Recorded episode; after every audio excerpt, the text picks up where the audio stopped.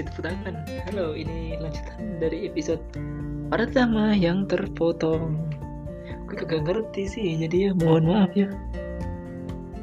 Oke, di sini tadi gue mempelajari kesalahan bahwasanya suara gue naik turun. Di sini akan gue coba bercerita dengan nada yang biasa saja.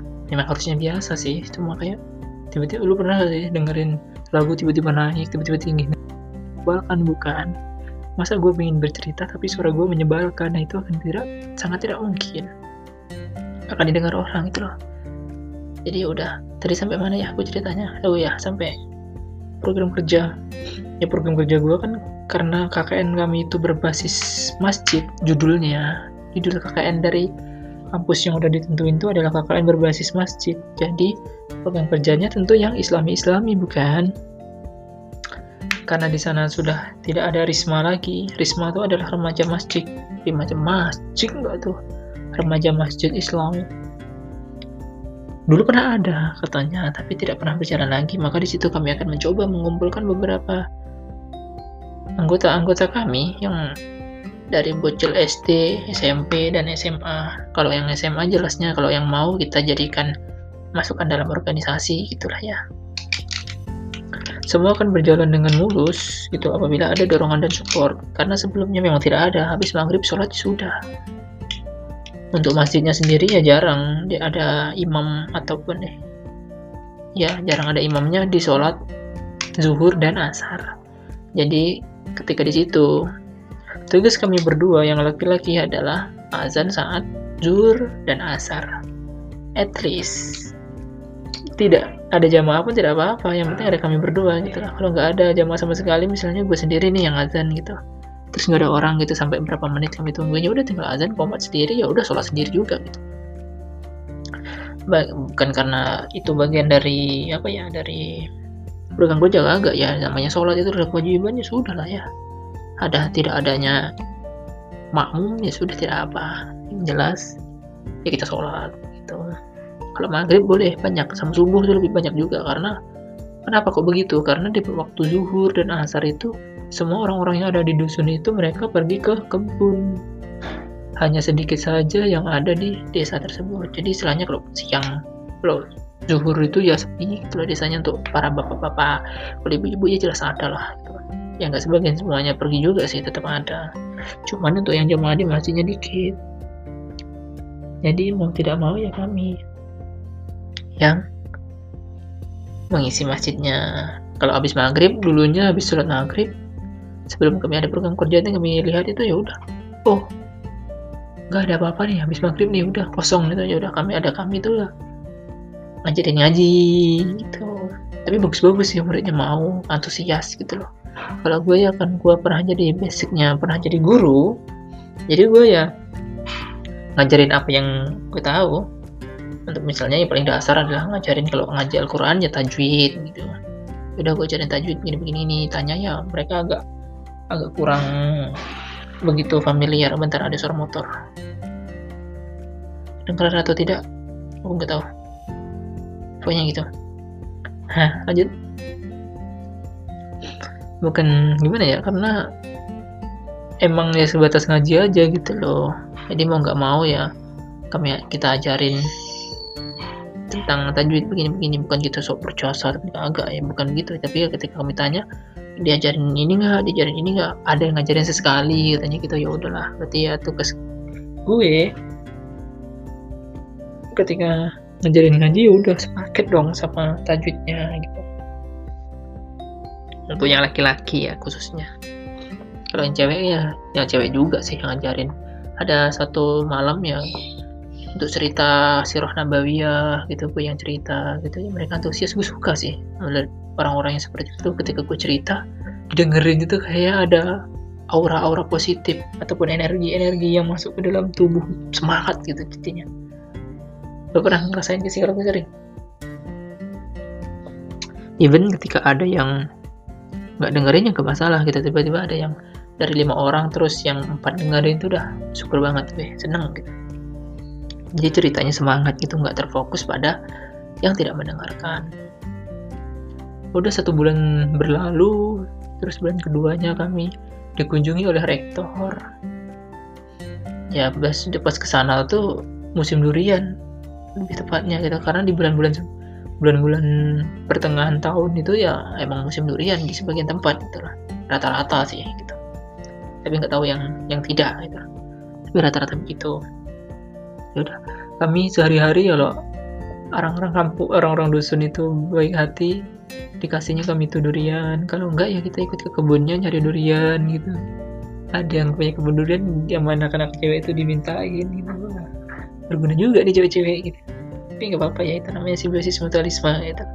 Pas suatu ketika ketika rektornya ingin berkunjung ya kami mencari durian di daerah air tenam air tenam tuh lebih selatannya lagi gitu. Loh ujung lebih jauh gitu. Tapi salut sih sama alamnya. Udah seger banget. Gue ngerasain kayak flashback ketika gue berada di Jawa Timur gitu lah. Meskipun gak semuanya plok gitu lah. Kan di sana juga ada banyak-banyak bukit.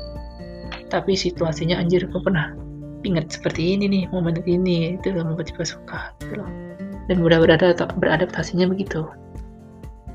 Mungkin episode ini gak akan terlalu lama ya. Karena gue tadi berencana ceritanya tuh di 30 menit gitu aja ternyata belum kelar.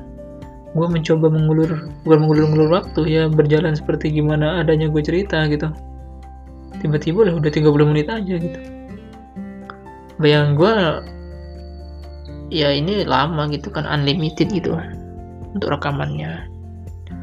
Ternyata gue cuma fokus kepada detik waktu tidak fokus kepada tulisan yang jelas-jelas perhatian kamu bisa merekam maksimum 30 menit di browser web kalau ingin merekam lebih lama, kamu bisa memakai aplikasi lain di komputer, lalu menguploadnya filenya gitu. Aplikasi lain di komputer, lalu menguploadnya. Istilahnya ya, lo nge-record filenya lo upload itu bisa itu berapa jam gitu. Oh begitu. Kalau untuk yang main game gue nggak terlalu banyak gitu. Oh, detik waktunya, menitnya. Jadi ya nggak sampai begini. Ternyata di episode-episode awalnya nyoba menyambah banget ya nggak yang jelas gitu. Tapi intinya begitulah gue pengen bercerita aja. Coba gue jarang sih bercerita gini tapi ya gini pengen bercerita dengan ya dengan cara gue aja gitu. Entah didengar entah tidak I don't care baby. Yang jelas gue pengen bercerita. Dan terus kita nyari durian habis berapa ya? Habis 150 atau berapa tuh dapat durian gede-gede enak-enak gitu. Karena ketepatan di sekre kami itu tempat pusatnya ketika rektor berkunjung. Jadi mau nggak mau kita harus menyiapkan sesuatu yang istimewa untuk rektor. Ketepatan pembimbing eh, bukan bukan pembimbing ya. Apa itu namanya? Dari bagian wakil ketua dari kampus gue juga berkunjung. Ya istilahnya masa ini bocahnya ditinggal di tempat orang gak dijenguk gitu istilahnya menjenguk gitu loh. Gue seneng banget sih. Tetapi beda sama orang yang nganterin gue gitu loh. Kalau waktu yang nganterin itu dosennya beda. Terus waktu yang mengunjungi juga beda. Tapi pulangnya sama yang jenguk itu. Kemarin itu pas pulang tuh. Sampai rumah ketepatan rumah gue itu di samping jalan gede gitu jalan lintas gitu. Jadi ya mampir langsung aja nggak harus pulang ke ke tempat kampusnya lagi terus balik lagi itu kata gue ngapain? gitu ya. Karena kan situasinya lagi libur juga. Tuh. Terus menyiapkan itu kami beli durian. Balik lagi ke cerita yang tadi ketika rektor datang tuh ya. Kami foto bersama. Di situ gue kagak potong rambut selama tiga bulan. Bayangin rambut gue kayak gak jauh lah cabrik pokoknya. Gue panjangin gitu usah pokoknya sengaja gitu. Atau kenapa ya gue dulu mikirnya gak pengen potong rambut di situ. Anjir sekali foto jelek banget gue kayak emo emo gak jelas gitu sumpah. Lah kesel sampai di situ. Makanya ketika foto sama direktur itu gue pakai peci untuk menutupi rambut yang sangat tebal padahal gak ngaruh sampingnya ngembang juga. Sumpah gue kesel juga kalau ada rambut yang di samping ini yang ngembang-ngembang gitu kayak donat gitu. Anjir. Udah ketepuk sorry. Udah gitu gue udah sampai di akhir penghujung kami jalan-jalan ke pagar alam. Pagar alam itu di daerah di daerah ujungnya Bengkulu Selatan dan awalnya Palembang gitu. Pokoknya daerah situ lah gue nggak terlalu tahu pasti. Intinya di situ pengen jalan itu drama dulu yang marah-marahan sama temen cewek. Karena setelah KKN itu ketika di bulan-bulan terakhir tuh kami kayak kurang hubungan kami renggang antar kawan. Kami berenam berenam. Terus ada tiga orang ini seperti mengasingkan diri dari kami gitu loh. Kami kan orang enam nih biasa aja gitu loh. Gue Aset Penny Titin Deta sama Selfie itu jadi satu geng ya kami semuanya satu geng gitu loh. Tapi lantaran nggak tahu nih tiga orang nih yang lebih gimana gitu loh. Agak kurang. Padahal di awal-awalnya bagus tapi karena mereka ini terlalu over gitu loh. Jadinya atas sikap mereka sendiri yang membuat nggak enak gitu loh. Jadinya ya mereka kita diam-diaman gitu loh. Tapi nggak diam di selalu diam tetap ngomong cuma tapi sekadarnya gitu loh. Nggak intens ngobrol-ngobrol kayak kami berendam yang tiap hari ngoceh gitu. Kayak gitu terus ketika mau pergi ke pagar alam itu gue sebenarnya gak, gak pengen ikut. Ya gue juga sekretariat gitu loh. Tapi untung temen cowok gue ini mengingatkan aja bilang kalau lu ikut gue ikut. Jadi gitu. Kan dia sebagai ketua ya kan gak mungkin dulu dia gak ikut dengan anak kayak gitu. Yaudahlah gue menurunkan ego gue berarti kalau gue egois gue bisa kagak ikut ya. tapi karena temen gue kan punya gangguan dalam penglihatan ya kalau suruh gonceng motor tuh agak susah gitu loh. Jadi ya mau nggak mau teman gue itu yang gonceng. Sampai pulang pergi ya agak gue agak jadi beban sih sebenarnya. Ya gimana gue gak, gak paham jalannya gak paham begini begini mereka tuh naik motornya laju sedangkan gue nggak bisa naik motor laju. Kalau nggak di tempat gue sendiri gitu loh. Jadi ya serba salah gitu loh. Jadi mau nggak mau ya tetaplah menjadi beban enggak sih. Itu pokoknya menyemangatin aja. Yang lainnya pasangan sama apa tuh orang kampung orang dusun. Jadi yang cewek-cewek itu punya gebetannya masing-masing anggap aja lah gebetannya masing-masing meskipun tidak. Meskipun ada yang sampai selesai KKN itu jadi gebetan. Itu tapi nikahnya sama orang lain Gak aneh kadang makanya gue tuh mikirnya anjir lu KKN jauh-jauh terus membina hubungan tiba-tiba hubungannya kandas ketika lu sudah KKN gitu kan. Lu ngapain dah kayak buang-buang waktu buang-buang perasaan buang-buang effort gitu gitu makanya gue memilih untuk menangkal apa yang dikatakan KKN adalah tempat orang buat jatuh cinlok cinlok lah cinlok cinlok kucing gitu. Kapan? Itu gak mungkin itu gak masuk dalam kategori statement statement itu pada gue gitu. Makanya gue wah udahlah mau berangkat sama si Aset yang motor. Terus teman gue yang cewek ini jatuh pleset ataupun ya pleset dari lubang gitu loh. Terus kakinya kayak kekilir. Tapi nggak apa-apa sih cuma patahnya cuma, segitu. Jadi tetap dilanjutkan. Kita sampai sana tuh sore. Berangkatnya padahal jam 11 siang tuh ya. Sana ya lumayan jauh sebenarnya. Capek di jalan sumpah. Padahal pagar alam tuh cuma kebun teh. Ya di puncak itu tapi kebun teh. Itu doang. Lu tahu kan di mana tempat wisata itu mahal gitu lah pop mie aja sepuluh ribu atau lima belas tuh. Pop mie jir pop mie. Terus gue beli apa di sana ya? Beli mie rebus berapa pokoknya begitu lah teman mah dia buat ngajar perut karena suasananya dingin jadi lapar habis foto-foto ya udah. Ada suatu masa fotonya bersama sama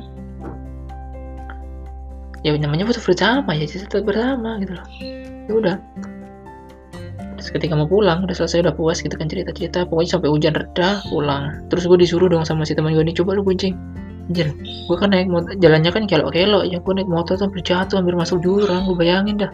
Jalannya kelok-kelok, kesimbangan gue hilang, terus gue jatuh. Untung bisa gue rem gitu tiba-tiba, anjir, gue gak bisa nih, tolong. gue malu banget coba di situ. Masa turunan turun gunung aja gue gak bisa gitu. Itu agak susah sih. Gue nyerah sih kalau begitu, sumpah. Gue mending dibonceng aja deh. Padahal di setiap separuh perjalanan turun dari puncak pagar alam itu, itu dia yang bonceng makanya sampai di pertengahan kita selesai selesai foto-foto buat diabadikan momennya gitu kan sambil begini-begini coba lu bonceng katanya gitu ah ternyata gue oleng. Emang sih kalau kalian naik di pergunungan muter-muter berkelok-kelok jalannya kayak cacing. Kalau keseimbangannya nggak keren nggak bagus oleng jadinya sumpah. Ini gue sendiri yang ngerasain. Tapi nggak tahu ya kalau berlaku ke semua orang apa gue sendiri yang emang struktur keseimbangannya kurang? Gue nggak tahu lah pokoknya begitu. Ya udah mau nggak mau jadi ya yang gonceng sampai kami pulang tuh jam 9 malam atau jam berapa itu. Pokoknya jauh dah gue tuh masih nggak jalan. Itu kalau gue tuh udah surrender gitu. Nggak bisa tuh gue susah. Kalau siang gue bisa mengingat jalan ngafal jalan. Tapi kalau malam stop. Jangan pernah bertanya ke gue di mana mana kalau lagi malam. Udah. Pokoknya gue nggak nabrak orang aja. Udah syukur itu kalau malam-malam gitu doang. Jadi ya udah ketika pulang ternyata motor yang ini ada yang peleknya pecah nabrak batu. Bukan pecah ya kara-kara ya bukan kara sih. Kalau kara-kara kan jelas pecah ya. Dia kayak besi bukan besi. Pokoknya namanya pelek gitulah. Kena lubang yang perah eh kena lubang yang dalam. Jadinya melayot gitu dan sampai situ ya paginya gue tidur. Karena capek banget sumpah lah. Itu perjalanan. Karena motornya motor Vega ya kan tuh kalau Vega yang kayak model FU gitu bangkunya itu jadinya turunnya ke bawah. Agak susah. Sakit di pantat coba kayak tepos gitu rasanya. Itu rasanya. Kadang yang naik motornya kenceng gitu gitu wah ini orang keren sih matanya jelas. Bisa naik motor kelaju bisa menghindari begini-begini kalau gue udah deh ya tapi sebelum ke itu kita ke Greenland. Green Park gitu. Kayak semacam kebun binatang tapi nggak semuanya sih. Itu bagus ada burung-burung yang nggak pernah gue lihat kayak burung elang ini burung ini burung itu gitu. Yang gede-gede ya. Itu jadi ya sudah sampai situ aja kita pulang. Selesai KKN ada perpisahannya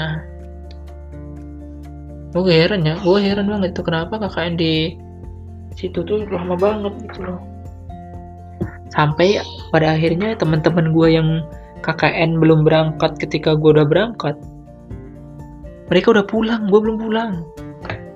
Dari KKN Nusantara hanya kelompok kami lah yang paling lama pulang sampai sama bareng tuh sama kayak KKN yang Kalimantan yang Kalimantan udah sampai tempat rumah kami baru, baru pulang hmm. aduh segar sekali nih kopi. Anjir gue cerita begini aja hampir sejam ya. Tapi gak apa-apa lah ini akan gue tutup dikit lagi. Udah selesai begitu selesai semuanya. Gue pulang. Itu ada event bukan event sih ada pernikahan di samping sekre kami. Jadi mau nggak mau kami harus intens mempersiapkan untuk menyukseskan acara yang ada itu yang nikah tuh umurnya berapa ya? 34 atau 36 pokoknya udah agak-agak bapak-bapak itu baru dia menikah atau udah.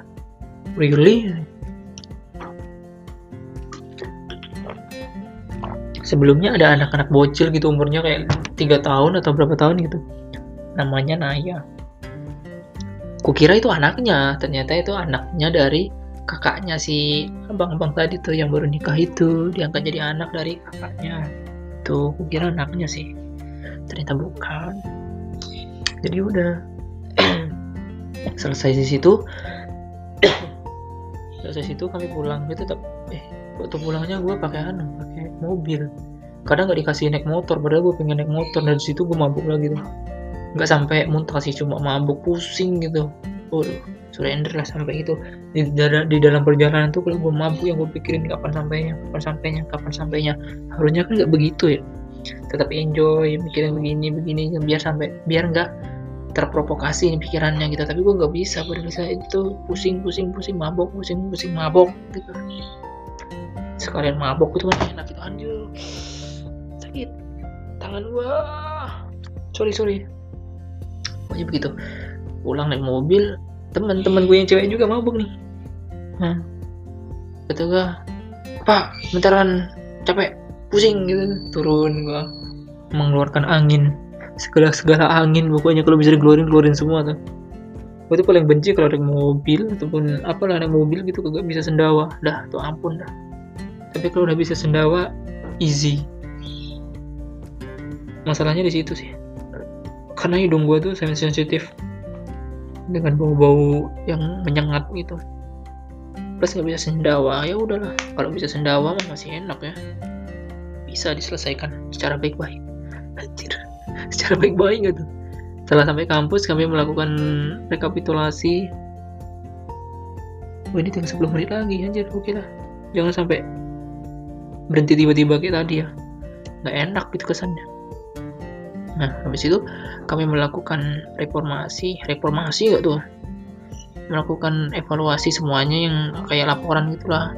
Di ruang pertemuan selesai habis itu kami lanjut tidur di asrama bukan di mes yang tempat kami pertama kali karena udah didatengin. Eh ditinggali oleh orang dari India. Oh keren nih orang India sekolahnya di Bengkulu cuy sekolahnya pendidikan ya. Habis itu kami jalan-jalan ke makam eh ke rumah Soekarno ke benteng Ibu. Ya pokoknya di benteng itu kalau kalian pengen lihat ada tuh di channel gue Jamil Kingsman namanya. Ya, pokoknya begitu. Cari ada vlog 5 gitu. Judulnya pulang itu ada. Bisa kok dicari di YouTube. Kalau pengen kalau enggak ya udah sih. Itu cuma promosi ya udah pulang naik ke naik pesawat dari Fatmawati ke Halim. Kalau sebelum berangkatnya gue ke Padang dulu transitnya tapi nggak beda pesawat. Tapi kalau di Halim pindah pesawat gitu loh. Jadi ya udahlah apa-apa. Jadi sebuah bagus banget itu dari Bengkulu ke Jakarta baru ke Pekanbaru. Kalau yang berangkatnya dari Pak Pekanbaru Padang baru ke Bengkulu. Itu keren banget sih. Udah sampai per, anu, udah udah sampai di Sarip Kasim di Bandara Sarip Kasim ya udah langsung dijemput sama mobil yang dosen gue yang jemput itu dia kan punya mobil jadi sekalian lah karena kami cuma berlima doang jadi ya dikit lah. Paling barang-barang jajan-jajan doang yang banyak gitu lah. Yang cewek-cewek ini jajannya nggak nggak ngotak cu banyak banget kayak orang pindahan duitnya ke bisa habis. Gitu. Nah gue cuma bawa berapa? Sedikit doang sih. Maklum bukan jajanan orang kaya gitu. Bisa jajan aja dah alhamdulillah itu udah bisa membagi uang dengan cara maksimal gitu.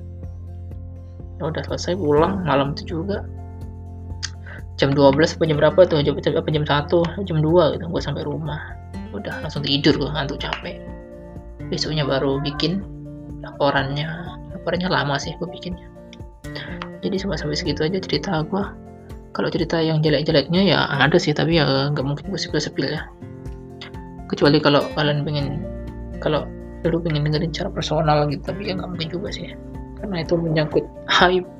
Gak bagus ke cerita yang kerennya aja sih. Bukan keren juga sih. Ya pokoknya pengen gue cerita yang gue ceritainnya itu gitu aja. Terlebih itu baik buruk ya kalau ada baiknya ya diambil kalau ada buruknya ya sudah. Jangan diambil lah ngapain? Berburuk diambil kayak kurang kerjaan. Baiklah episode ini buat tutup sampai di sini. Ya gue besok pengen coba record dari HP gue filenya yang lama. Ya yang nggak terlalu lama-lama juga sih. Gue pengennya cerita yang biasa aja nggak bertele-tele gitu loh jujurly jujurly ya jujurin sejujurnya gue cerita tuh yang begini aja yang ngalir gitu. Nggak pakai skrip pakai apa ya. Cuma pengen ngetes public speakingnya gitu loh. Atau storytelling gue gitu loh.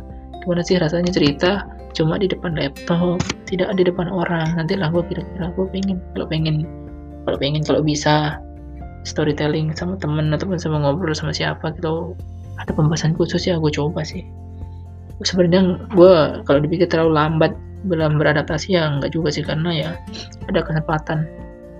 Ini gue pengen mencoba bisa nggak sih gitu loh gue bikin? Yang gak ada tujuan apa-apa sih ataupun menyombongkan nih kagak gue cuma pengen cerita. Apakah gue bisa? Cuma gitu doang. Ternyata ya ya begini bisanya. Ya udah terima kasih yang sudah mendengarkan sampai akhir. Follow gue di Instagram. Ya gak usah lah. Gak usah promosi-promosi sosial media pokoknya begitu. Nanti gue tulis aja. Oke? Okay? bye bye semoga sehat-sehat selalu. Amin